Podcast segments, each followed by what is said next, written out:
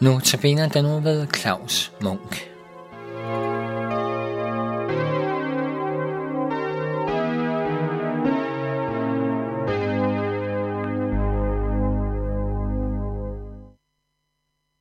I denne uges notabeneandagt ønsker jeg at komme ind på nogle af de steder i Bibelen, som har været mig til særlig hjælp i en svær tid.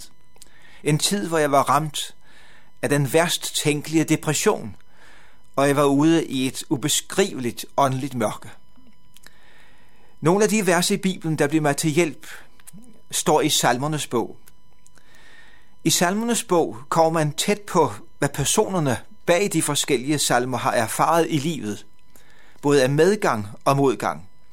Og derfor er salmerne gode at spejle sig i. For der sættes der ord på både fysiske, mentale og åndelige tilstande, som vi kommer ud for i livet. Lige fra det lyseste lyse til det mørkeste mørke. Men ikke nok med det. Salmerne åbner også for et helt nyt livsperspektiv. Og det gør de ikke mindst i form af stærke vidnesbyrd om, hvordan Gud greb ind til frelse. Så blev lovsangen født. En ny fremtid åbnede sig. Dermed har salmisterne noget livsvigtigt at fortælle videre til os alle. Til hjælp og trøst og opmundring for os. Ja, ligefrem noget, der kan give os et evigt håb. I denne første notabene andagt vil jeg komme ind på, hvordan et vers i salme 34 er blevet mig til særlig hjælp. Det er vers 6. Og det lyder sådan her. De, som retter blikket mod ham, og når jeg står ham her, så betyder det Herren. De, som retter blikket mod ham, stråler af glæde. Deres ansigter skal ikke forgræmmes. Dette sted har hjulpet mig meget, når det gælder, hvad vi har fokus på. Jeg tror, vi alle sammen er tilbøjelige til at være optaget af os selv, fokusere på os selv og på vores eget. Og måske vi har det helt fint med det.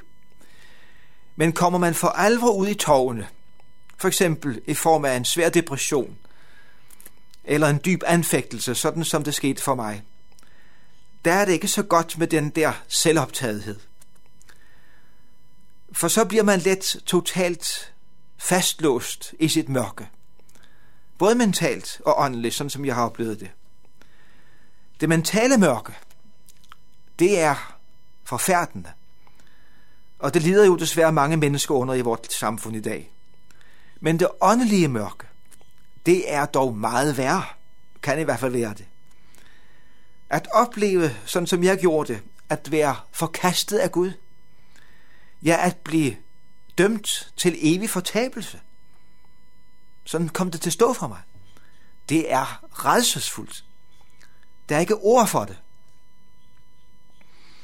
Og når du så bliver ved med at cirkle omkring handlinger og holdninger, tanker og ord, som du fortryder, så bliver det bare værre og værre. Man kommer ind i sådan en nedadgående spiral. Men så er det, at dette vers i salme 34 åbner for et helt nyt og meget bedre fokus. De, som retter blikket mod ham, Herren, stråler af glæde. Deres ansigter skal ikke forgræmmes. Der har jeg oplevet usigeligt befriende det her vers. Ikke sådan at forstå, at jeg med et trylleslag blev løst fra at stige mig blind på mig selv og min egen elendighed. Nej, der har været en lang proces, og den foregår fortsat. Men netop ved igen og igen at blive stille for det, der siges her. Lad det få magt over mit sind og mine tanker. Så er mit fokus lige så stille blevet rettet mere og mere væk fra mig selv og hen på Herren. Jeg har helt konkret måtte følge visdommen i dette vers, ved netop at lade tanker og sind blive fyldt med Bibelens tale om Gud, om Herren, om Jesus. Og her har min kære hustru været mig til stor hjælp. Hun satte gule post-it-sædler op rundt omkring i huset. Blandt andet i køkkenet i det hjørne, hvor vi har mikrobølgeovnen stående, der satte hun en sædel op med teksten Han, og det er Jesus, det går på, og med streg under Han, han har gjort alting vel. Og sædlen hænger der for stadig. Det er et ord fra Markus evangelie kapitel 7. Han har gjort alting vel. Det gælder om Jesus. Og bliv optaget af det. Bliv stille for det. Fokuser på det. Det er altså lægedom for et såret sind og en anfægtet sjæl. Det kan jeg selv bevidne. Der sker noget med os efterhånden, som vi får vores fokus væk fra os selv og hen på Jesus. Vi begynder at opleve i hvert fald noget af det, som verset også sagde her, at vi stråler af glæde. Og det lyder selvfølgelig meget mærkeligt, men ud fra Nytestamentet bliver det klart, hvorfor det er sådan. For der står der jo et sted så dejligt om Jesus. Ja, han siger det selv. Jeg er verdens lys. Den, der følger mig, skal aldrig vandre i mørket, men have livets lys. I ved fra livet i almindelighed, at det vi retter vores blik imod, det præger os. Sidder vi for eksempel og ser på noget grimt igen og igen i lang tid, så fyldes vi af dette grimme.